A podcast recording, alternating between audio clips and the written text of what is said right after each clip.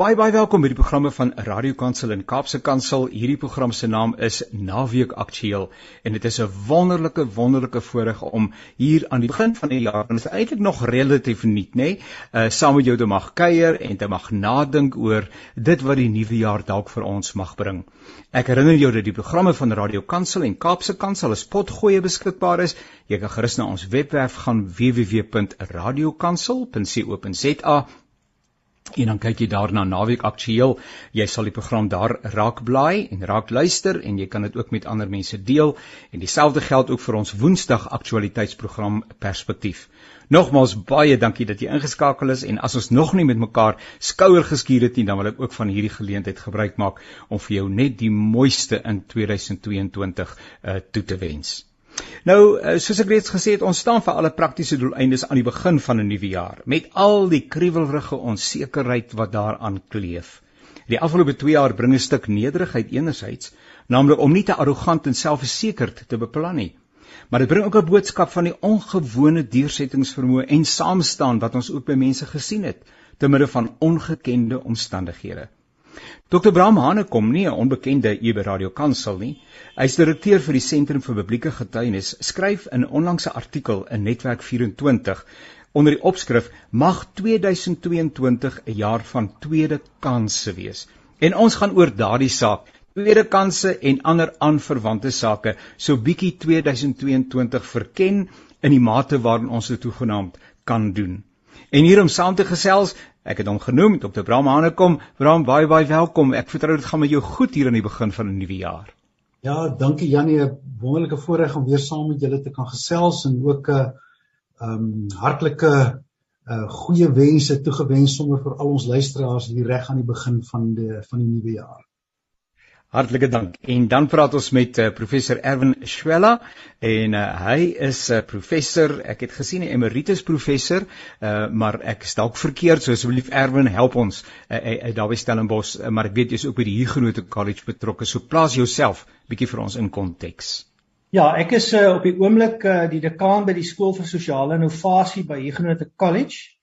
En uh, ons het ook 'n sentrum vir goeie regering in Afrika en ons doen 'n klomp werk in terme van die bekyk van kompleksiteit met die idee om op 'n of ander wyse diep sistemiese denke toe te pas en op 'n wyse dan met nie finale antwoorde voor in dag te kom nie maar ten minste prosesse waar ons leierskap kan gebruik om met hierdie kompleksiteit om te gaan en hopelik dan by ehm um, pogings tot tot antwoorde uit te kom en dan bou ons dit in in prototipes want ons wil aksie koppel met denke.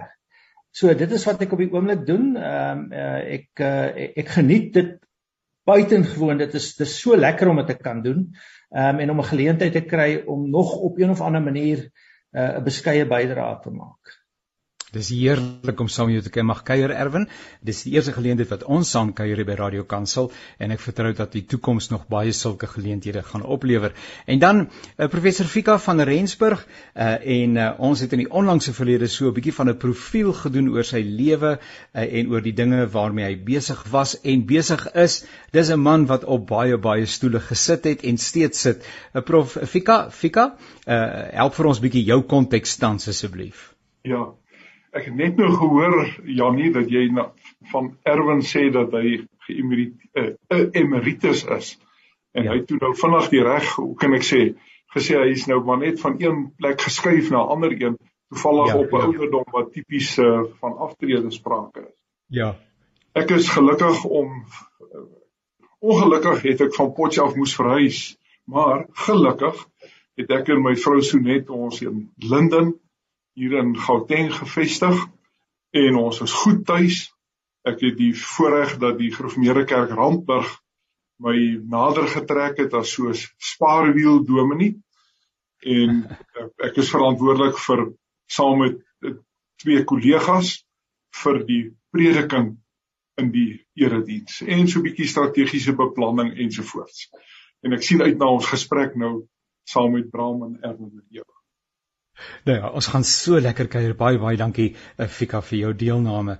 Uh Bram, jy het ag, dis sommer nou die dag het daar 'n artikel verskyn en dit is uh, tereg met verwysing na 2022 en ehm um, jy het daar verwys na uh, die toestand van die ekonomie en gesondheidsorg waaroor mense mag wonder en dan sê jy uh, daar's tog 'n vraag wat by jou uh, opkom en dit is hoe sou die mensdom tans daar uitsien? Hoe lyk die algemene welsyn van die mens? Nou ons gaan daaroor kuier en ook oor ander sake, maar uh, as 'n mens nou so begin skrywe, uh, ek weet nie behalwe dit meganiese inspirasie is en jy jy, jy heeltemal verbaas is oor wat uit jou pen uitgevloei het, maar 'n ou is tog op 'n manier gemotiveer om iets te skryf. So wat het jou op hierdie traject geplaas?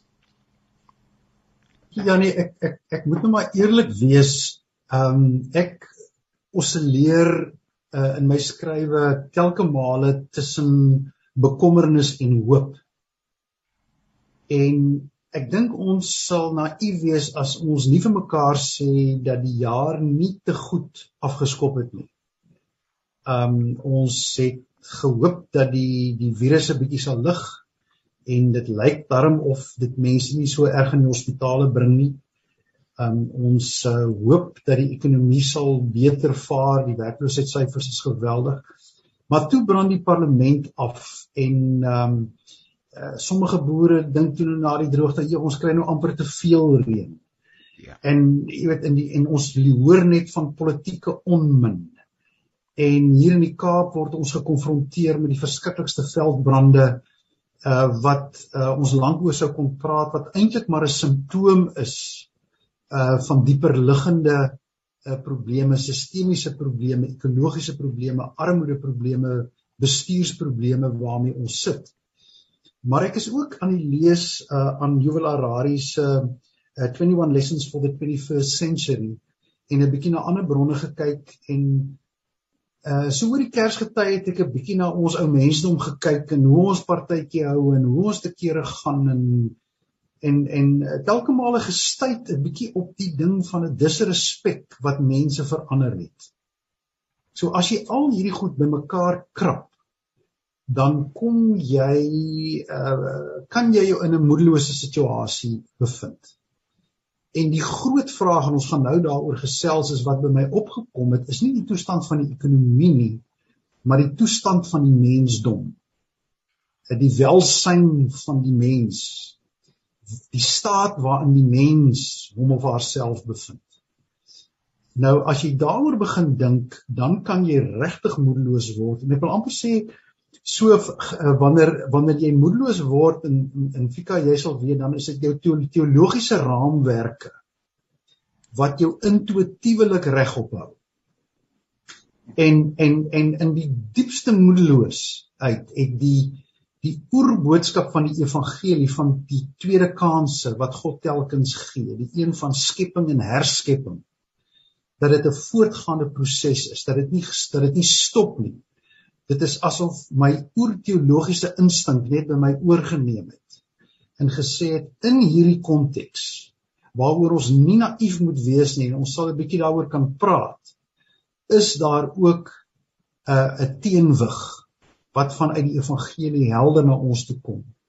En dit is die boodskap van tweede kansse ehm um, wat die evangelie vir ons gee. Dis natuurlik mag nooit 'n goedkoop teologie wees nie. En daaroor kan ons ook met mekaar praat. Dis nie 'n 'n goedkoop tweede kans nie. Maar dat daar tweede kansse vir mense kom in hulle verhoudinge en hulle werk ook in die, in in aan ons land waarin ons woon. Dit moet ons bly verkondig en dit is waar die waar die hele artikel gebore is. Erwin het verwys uh kollegas en jy moet asseblief uh, lekker saamgesels ook met Bramer. Ek wil net uh sê dat Erwin het die woord kompleksiteite uh uh met betrekking tot die uh, landskap, politieke landskap nie net hier by ons nie, maar uh in Afrika uh 'n hele paar keer gebruik. Uh dit lyk vir my dat die wêreld waarin ons deel het, uh dinge is nie meer eenvoudig nie. Uh en ons moet ook onsself ons nie probeer om met eenvoudige antwoorde uh te probeer om die problematiek van ons dag aan te spreek nie, maar kan ons bietjie dan gesels oor uh die wêreld waarin ons tans deel het. Ehm um, Bram, jy het twee bronne daar gemeld. Uh, ek het nie kans gehad om hulle behoorlik te beluister of uh, so nie, maar dit lyk tog vir my asof dit uh twee benaderings is. Die een 'n bietjie pessimisties en die ander dalk 'n bietjie ooroptimisties. En dis dit nie waar ons onsself maar altyd weer bevind nie, tussen angs en sekerheid. Uh, een oomblik is dit oorweldigend negatief en die volgende oomblik dan is jy eintlik amper uh, onrealisties positief oor oor die werklikhede. Maar kom Fika, help vir ons en Erwin, Bram ook uh oor nou wat het ons dan op die tafel want Bram sê hoe lyk dit met die mensdom en dan met name dan in ons eie omgewing Suid-Afrika. Of kort vinnig aansluit by is kan mense amper sê hoe profileer ons mense hulle self. En voordat ek wil beweeg na waar ek dink die antwoord is wat Abraham ook suggereer sowel in sy artikel as in wat hy nou gesê het na hoe ons vanuit 'n Bybelse hoek moet kyk. Maar Erwin, ek neem aan dat jy uh persoonlik waarskynlik vir Raymond Parsons ken. Hy het uh maandag wat nou verby is, uh het hy uh sy van tyd tot tyd, ten minste eenmal 'n jaar wat hulle so 'n uh, uh indeks bekendstel wat die uh, 'n meting is op grond van hulle navorsing. En hulle bevinding hierso aan die begin van die jaar op grond van die onlangse verlede is en hulle dui dit mooi aan op 'n op iets wat lyk soos 'n ou tydse armhorlosie of 'n muuroorlosie. Ronde sirkel met sy wysers en op grond van hulle navorsing dui hulle die onsekerheid aan as dat ons mense in 'n staat van dilemma is. Hmm. Nou die ander moontlike onsekerhede kon wees, ek gaan nie almal noem nie, maar dit kon gewees het 'n verwilderdheid of 'n bekommernis of verwarring uh, of onthutheid. Maar tans dus volgens hulle meting nie noodwendig natuurlik korrek nie is maar die monster wat hulle geneem het is dit 'n dilemma wat dan gewoonlik veroorsaak dat daar 'n 'n heen en weer spring is. Party die kant toe en party daardie kant toe. So en dis die situasie waarin ons ons bevind en ons almal beweeg tussen mense en het ook ons eie vingers op polse nie noodwendig verteenwoordigend nie, maar 'n mens het 'n aanvoeling. En as ek dan sommer kan inspring en 'n uh, 'n beginsel noem wat ek dink hier as 'n mens herbestek opneem wat op grond van die skrif ons na toe gedwing is en waar ek dink ons vir onsself koers kan kry uit hierdie noem dit dan nou maar 'n dilemma van wat staan ons nou te doen is dan ek wil eers vir 'n wegspring sê twee skriftuurlike uitgangspunte. Die een is die salf wat gelowiges offer hulle self of vir mekaar aansmeer van bid net God sal sorg alles sal regkom die goeie uiteinde gaan gebeur en dan wonderlike skrifdele aanhaal dikwels uit verband uit wat dit nou moet bevestig. Maar as persone by 'n oop graf van iemand moet staan wat aan COVID dood is of die gevolge van die ekonomie ensovoorts, dan word so tipe rug regopbou, braam die woorde wat jy net nou ge, gebruik het, word eintlik amper in plaas van help veroorsaak dit nog groter verwarring en selfs wantroue terwyl die so die die gebruik van daardie perspektief om net te sê God sal sorg dat alles regloop, alles sal weer regkom. Dink ek is 'n foutiewe uitgangspunt. Wat ons eerder nou moet gaan soek en dan gaan ek sal graag soos wat ons verder gesels bietjie die antwoord op die vraag wil gee. Maar watter perspektief is daar uit die Bybel uit wanneer jy kom in 'n situasie waar daar dinge gebeur met jou. Jy bevind jou in 'n konteks waaraan jy niks kan verander nie. Kom ons sê nou maar, soos die pandemie of soos 'n uh, swak regering, plaaslike regerings wat ineenstort. Jy kan as as individuele persoon dis nie binne jou magsgebied om daar direk aan te verander. Ja. En watter perspektief gee die skrif dan daarvoor? En ek sal graag dat ons net nou 'n bietjie saam praat daaroor. Ja, as ek uh, miskien na aanleiding van my my twee vriende hier ehm, 'n um, inleidende stelling kan maak net om mee te begin. Dis my wonderlike voorreg om in die geselskap van sulke uitnemende teoloë te wees. Um, ek is nie 'n teoloog nie. Ek uh, roem my dikwels nie op goed wat ek nie is nie. Ek verkies om maar te sê wat ek is. Maar in die geval ek is nie 'n teoloog nie. Wat ek van die teologie verstaan is uh fundamenteel Ehm um, en dit is eintlik maar ek sê altyd ek is gelowig en ek is eintlik maar net gelowig omdat ek so sondig is. En dan sê mense met dis miskien ook nie so slegte teologie nie, maar ehm um, my my my teologiese vriende kan my dag daarmee help. Hoe dit ook al sê, ehm um, ek werk met met langtermyn uh denke, sistemiese denke, met ander woorde uh, uh, breedte, diepte, ehm um, vooruitskouende denke en en dan uiteindelik ook met scenario's en om by Fika aan te sluit en dan later weer 'n verbinding te maak na na Braam se se se besonder gewaardeerde artikel. Ehm um, mense sou ook kon sê behalwe dat ons in 'n dilematiese toestand is, is ons so by 5 voor 12 op die horlosie. Maar wat ons nou ook moet sê is is dit is nie 'n 'n situasie wat uniek is aan Suid-Afrika nie. Ons ervaar dit uh, as 'n as 'n unieke verskynsel want dit is in ons leefwêreld word ons die die mense wat dit in ons leefwêreld interpreteer. Maar nou om aan te sluit weer by metings, ehm um, daar is 'n baie interessante meting wat elke jaar gedoen word en dis word genoem die Earth Overshoot Day.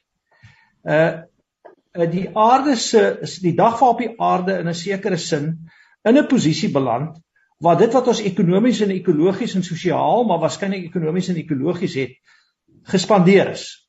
Anders gestel kan ons sê dis die dag waarop die aarde in oortrekkingsfase ingaan. Nou dit het begin hier op 'n stadium toe hulle met die indeks begin het so op 28 29 Desember. Dit het in die jongste verlede interessant genoeg in die 2 jaar van ehm um, inperking het dit eintlik 'n bietjie verbeter want ons ekologiese voetspoor as gevolg van die feit dat ons nou nie meer hmm. lugreise onderneem nie, het eintlik verbeter. So krisisse kan soms se mense in 'n in 'n interessante posisie plaas dat die krisis jou help om om dan sistemiese oplossings te vind waaroor jy miskien selfs nie eers beheer het nie. Ehm um, maar dit nou daar gelaat. Dit het geskuif uh, na ongeveer Augustus so 3 jaar gelede en toe eintlik in Julie gaan land en dis nou weer in Augustus. So elke jaar hier rondom die einde van Julie begin Augustus en waarskynlik volgende jaar en die jare daarna gaan dit weer verder terugskuif nader aan Januarie.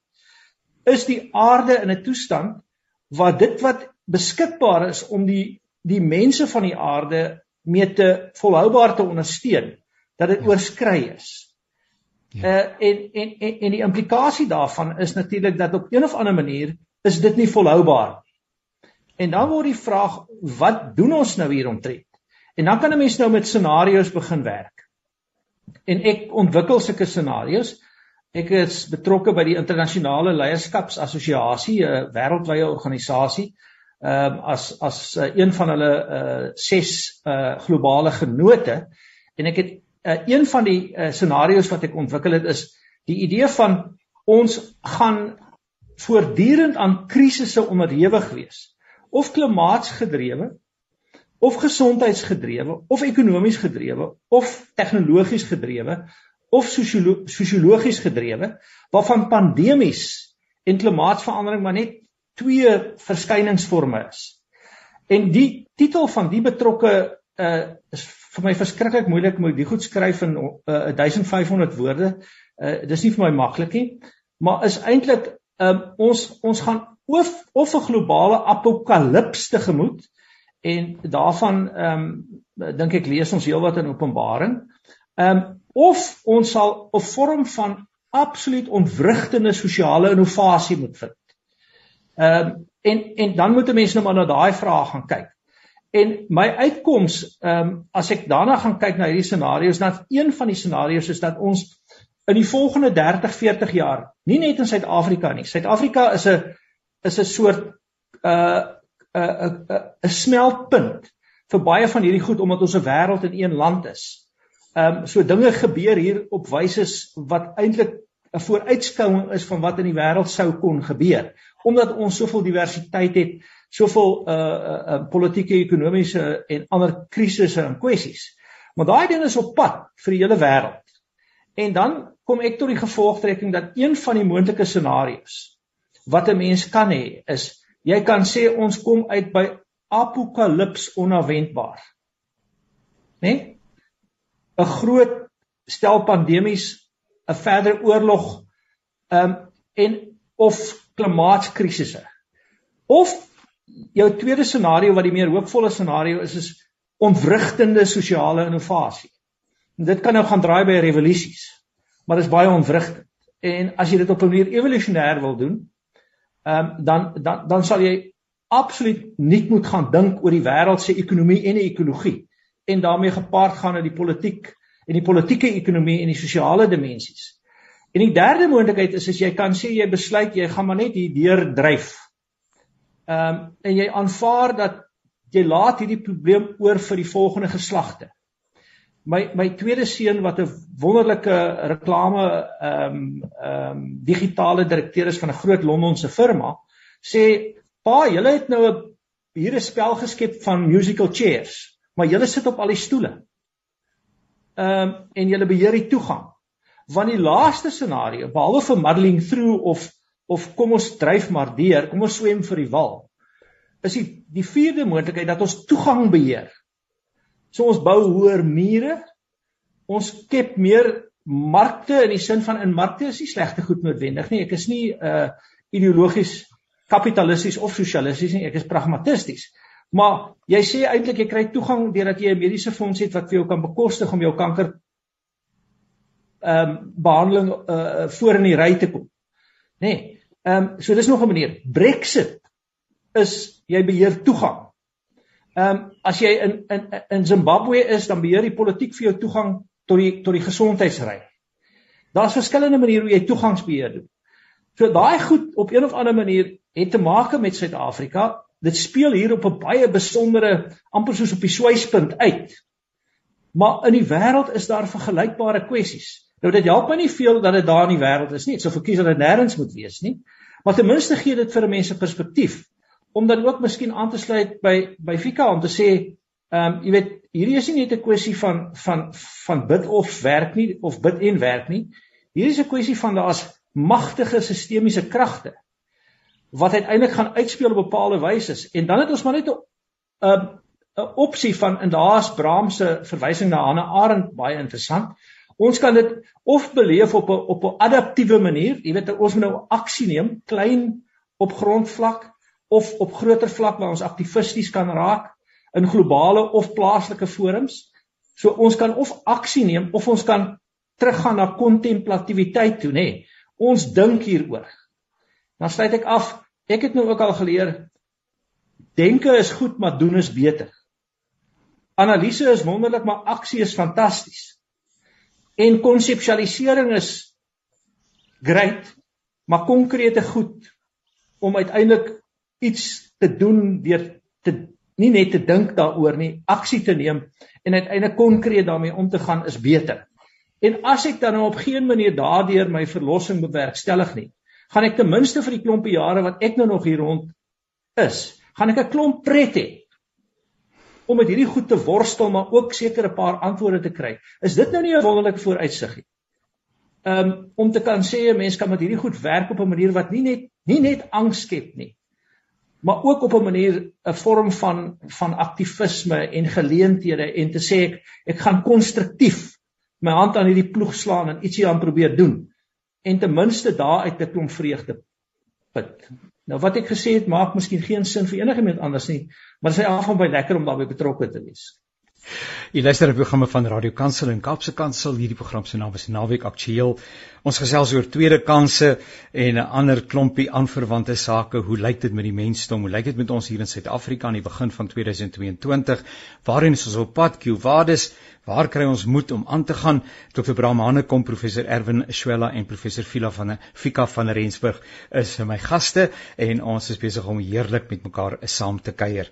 Uh, Kollegas, ons is in diep water, uh, vaarwater in ons gesprek en u moet ook vir my help asseblief om koersvas te bly en dat ons daarom iewers die dinge met mekaar knoop, uh, want dit is sulke belangrike uh, uh, gesprekke, gesprekspunte wat op die tafel kom en daar's struktuurmerkers wat uh, gedurig weer en weer weer voorkom. Ek hoor nou die woord uh, hier het ek nog geskryf sistemiese uh, en in die voorgesprek tussen Erwin en Bram uh, met die verwysing na die brande Dawie Kleinmond het hy dikwels gesprek uh, melding gemaak van die sistemiese onderbou uh, en problematiek. So ehm um, kan ek dan nou vir Bram vra Bram jy is nou die ou wat die hele ding aan die gang gesit het by wyse van spreuke van jou artikel. So help nou vir ons uh, vorentoe in ons saamgesels in hierdie verband.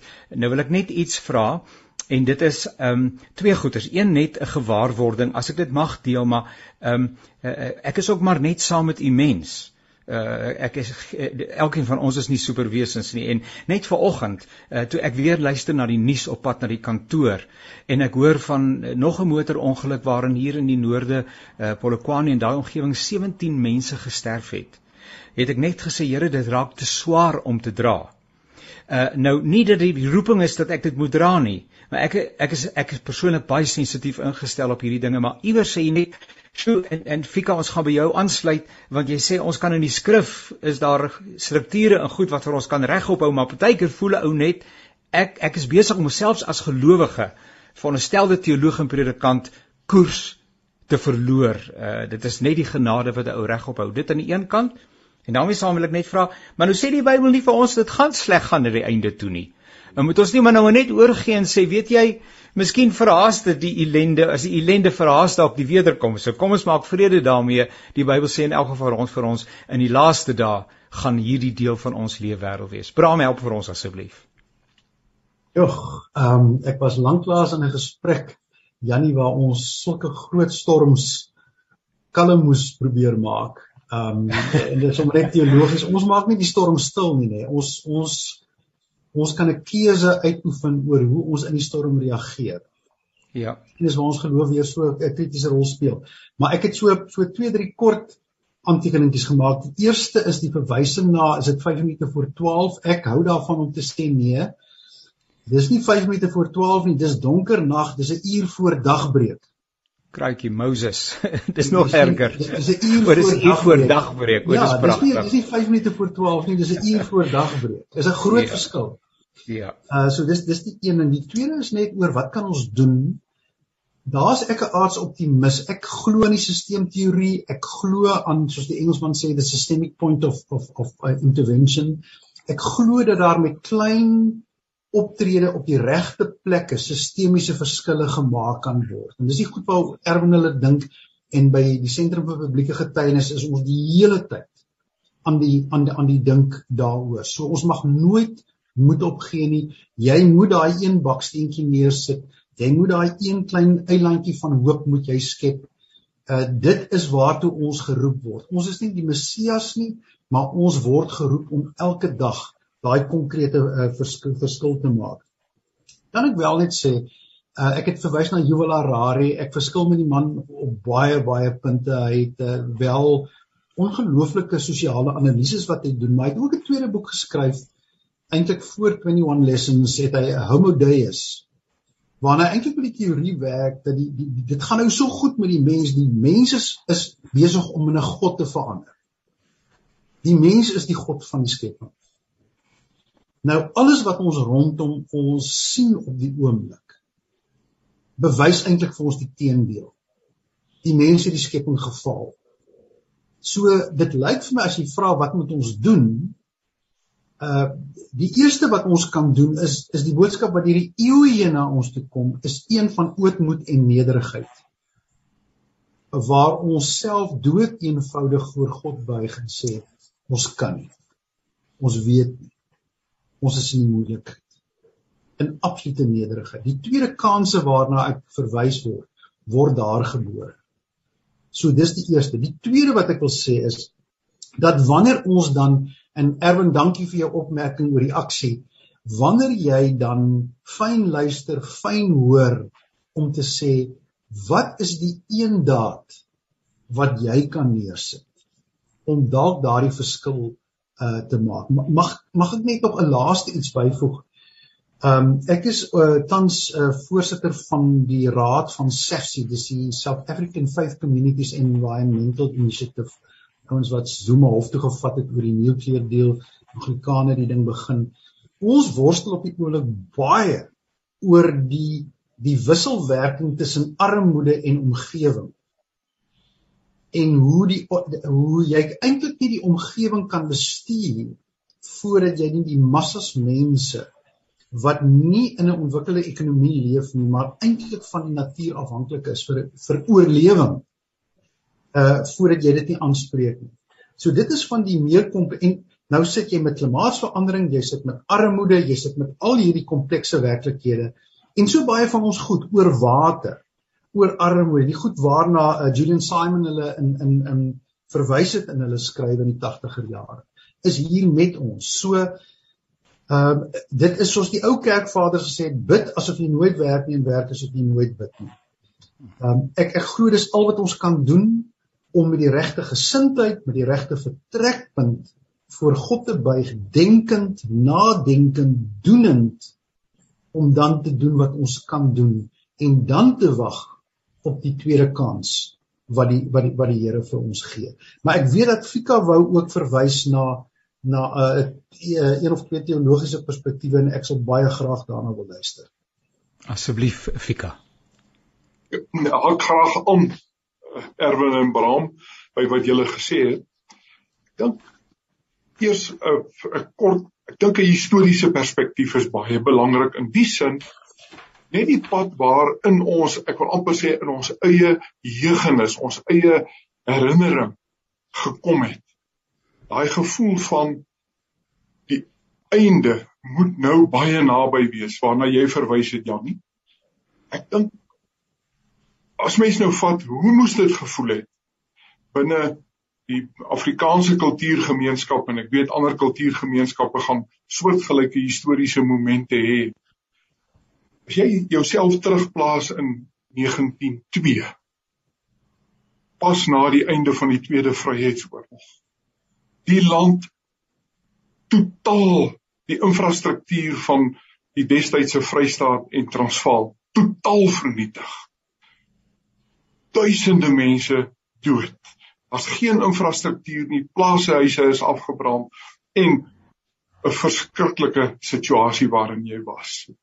En nou terugkykend, as ons dink hoe dat daar die rug reguit kon word dan dink ek die stelling dat dit al hoe erger word sal ek wil relativeer.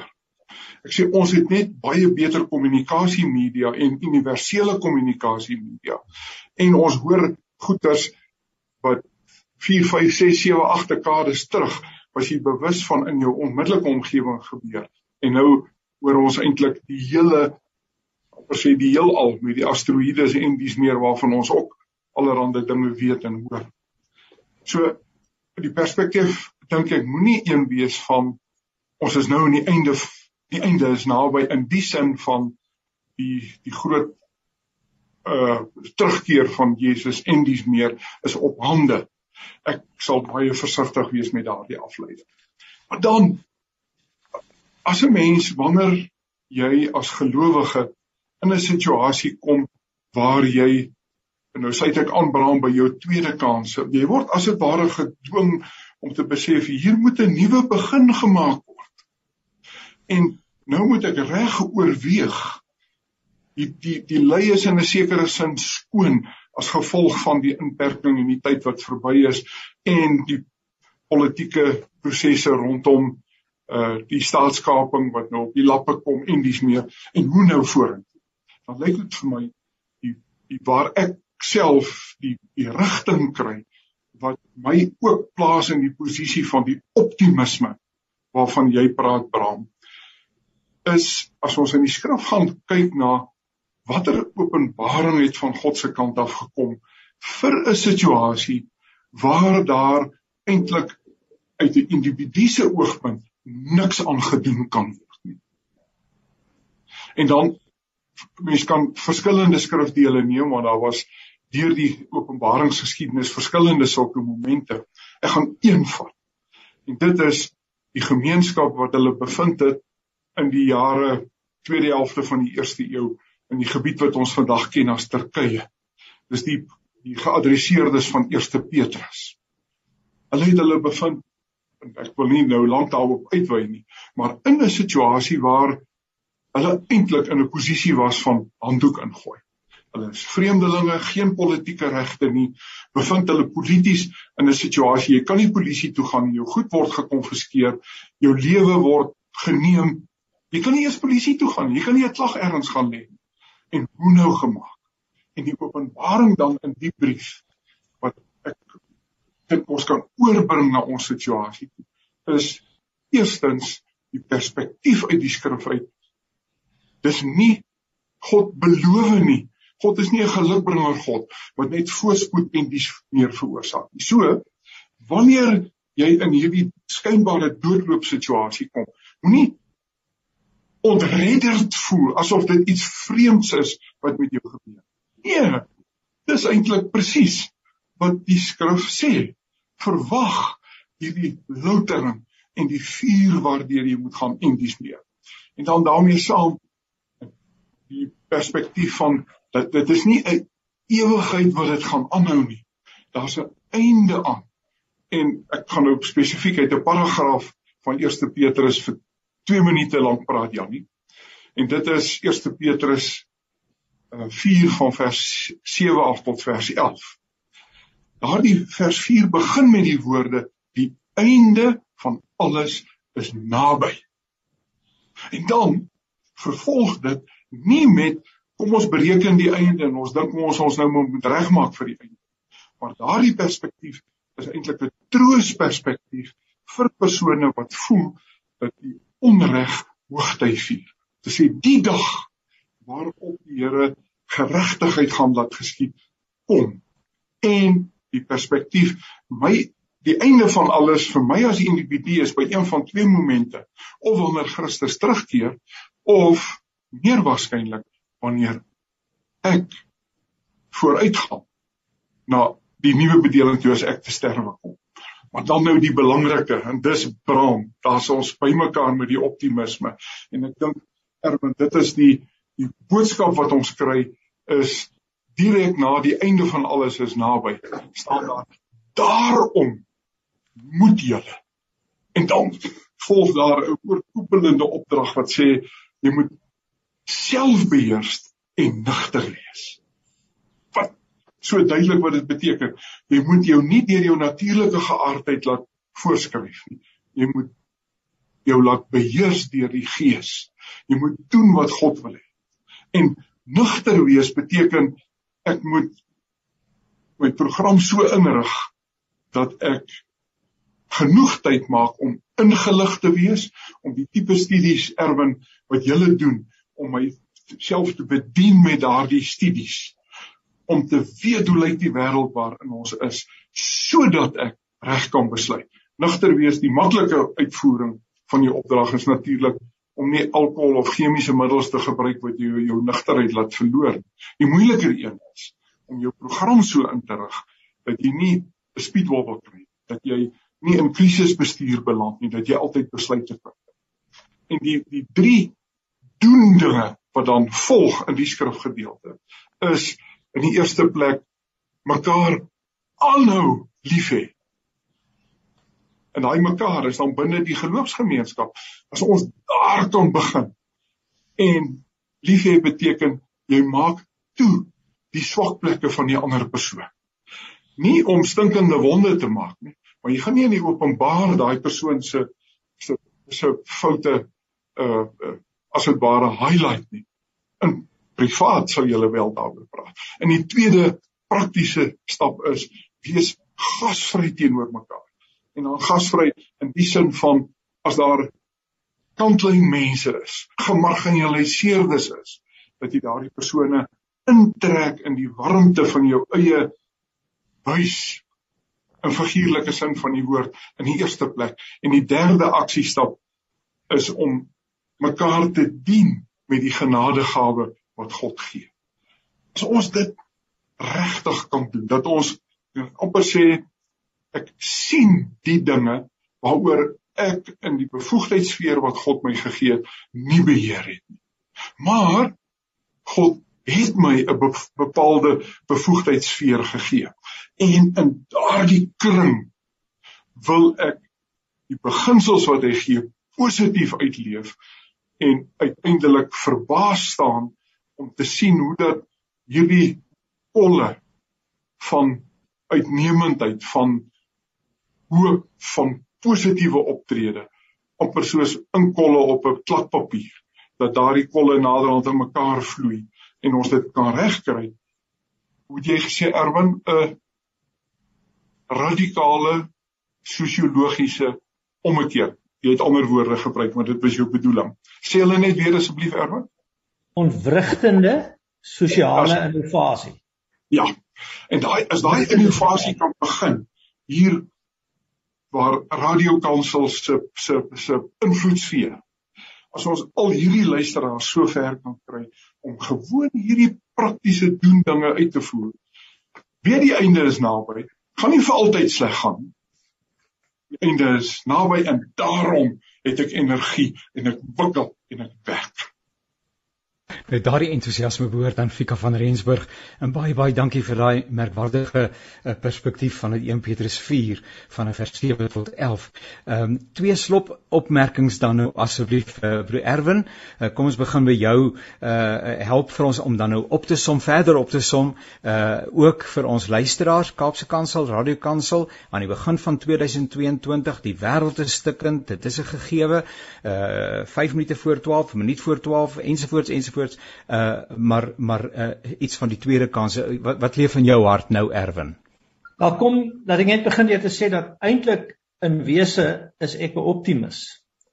Ehm um, as ek gaan kyk na die tendense dan word ek uh, nie 'n pessimis nie maar 'n realis.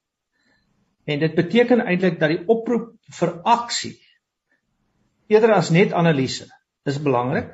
Die oproep ja. om te doen is belangrik eerder as om net te dink En die idee is is dat ons kan nie net konseptueel met hierdie goed omgaan nie, ons moet daarmee konkreet omgaan.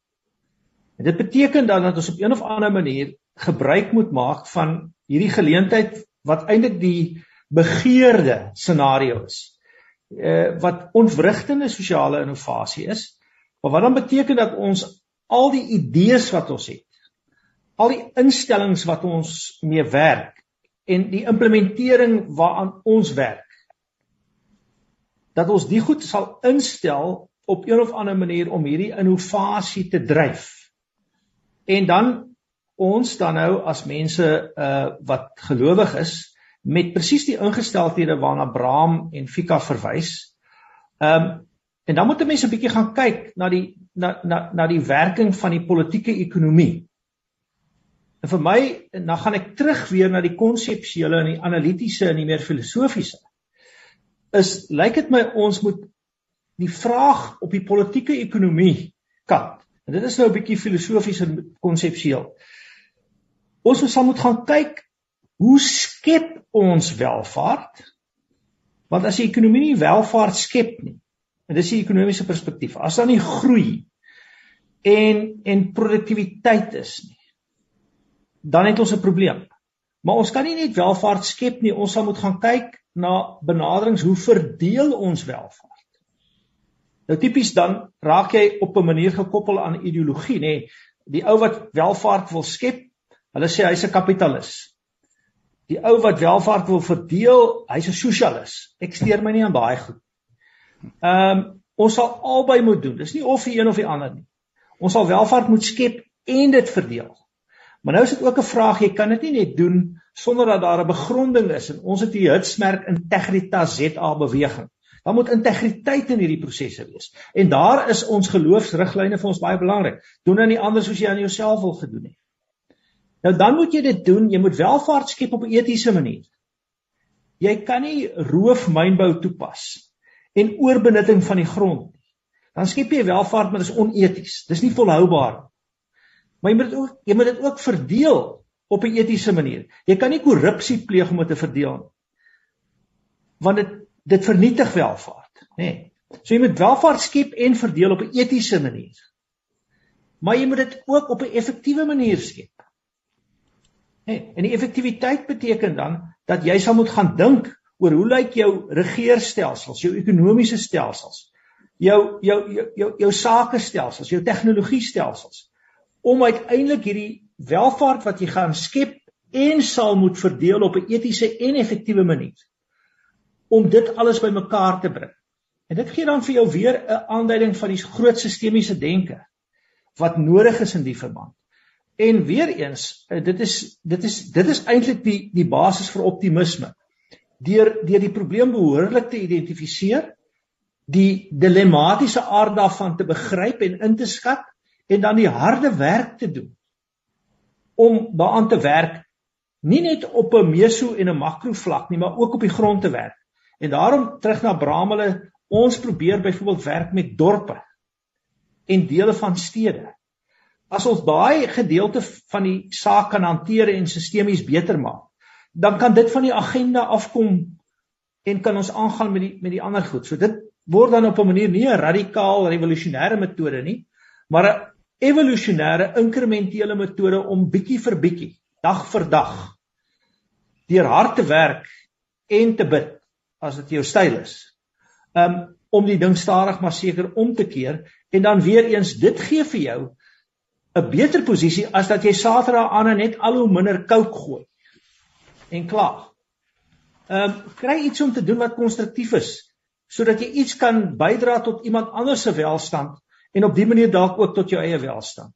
En dan kan al hierdie ander goed maar gebeur en hoef jy nie die eindtye in te roep nie, dan werk jy nou hier aan totdat jy op een of ander manier jou ontmoeting met uh die Here daar hê wanneer dit in sy tyd reg is. En dan dit dit werk vir my. Dis nou maar my elikse. Ehm um, en my evangelie as jy nou daai twee goed teenoor mekaar wil stel. Uh miskien by by wyse van afsluiting. Professor Erwin Schwella, Huguenot College, baie baie dankie vir die baie baie besondere insigte wat u met ons gedeel het. En uh, ons moet nog lank oor hierdie dinge gesels. Bram, sal jy nou vir ons finaal knoop asseblief so ja, of drie ja, nee, asseblief? Ek gaan probeer met drie baie kort sinnetjies wat by my opgekom het. Die eerste is daar is 'n groot verskil tussen nugtere realisme en hooplose fatalisme. Daar's 'n groot verskil tussen nugtere realisme en hooplose fatalisme. Nou mense sê ja, daar's niks niets onder die son nie. Daar is ongelukkig een ding wat nog nooit op die planeet was nie. In die 1900s was ons 1 miljard mense op die planeet. Ons is nou 7 miljard. Hm. Daar's net een ding wat dit donkerder as nag kan maak as jy met 7 miljard hebsugtige selfsugtige mense sit wat elkeen stry om eie oorlewing. Dit is hoekom ek wil terugkom na die artikel en die vraag wat ek gevra het, the state of the human condition. Waar is die mensdom? Waar is hierdie 7 miljard wat hulle voetjies baie versigtig sal moet neersit anders gaan spreekwoordelik ons mekaar vertrap.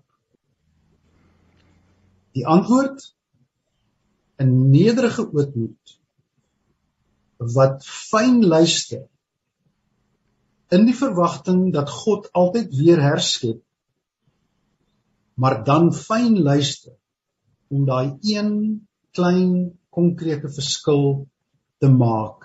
Daai een telefoonoproep daai een skrywe daai een brief. Dis hoekom ek vanoggend kantoor toe gekom het. Nie om die wêreld te red nie maar om daardie een dingetjie te hoor. Uh my gebed vir oggend met die personeel mag God vir ons die wysheid gee om nie besig te wees nie, maar met die regte goed besig te wees. Mag dit in hierdie jaar vir ons almal waar word. Bram Hanekom sluit die artikel af uh, op die volgende wyse: Mag jy elke dag iets doen wat jy besef, waar jy besef dat jou diepste passie geleef word. Mag jy elke dag 'n kuier oomblik met iemand hê, nie omdat jou werk dit van jou verwag nie, maar omdat jou menswees dit nodig het. Mag jy elke dag 'n oomblik beleef waar jy bewustelike ontmoeting met God beleef. Mag 2022 ook 'n jaar van groeiende wederwysige respek vir ons almal wees. My pa het altyd gesê jy moenie aan mense stel nie. My ma sou dan uh, sou dan byvoeg: Onthou ook dat jou gedrag aan ander mense kan stel en hulle le lewe negatief uh, kan raak. Kom ek gaan aan mag 2022 vir jou 'n jaar van goeie ritme wees, mag daar besige en stil tye wees. Mag jy elke dag tyd saam met God, jouself en ander deurbring en uiteindelik mag die dissiplines in jou lewe die ritmes bevestig. En ek dink daarmee sou ons almal hartlik saamstel. Abraham, Baie baie dankie vir jou deelname. Opregte dank en mag dit met jou goed gaan in 2022. Dankie, dankie Jannie en die mooiste wense vir al ons luisteraars. Erwinchella, baie baie dankie vir u deelname. Jou deelname mag die jaar 2022 merkwaardig verloop. Waardeer. Fika, dankie dat ons kon saamgesels. Dit was 'n voorreg. Uh, mag dit vir jou 'n goeie jaar wees. Baie dankie Jannie. En daarmee aan die einde van hierdie program. Dankie uh, liewe broer en suster, vriende, uh, luisteraars. Dit was 'n voorreg om saam te kuier en uh, volgende week as die Here se wil daarby is, dan maak ons weer so. Tot 'n volgende keer. Alles wat mooi is.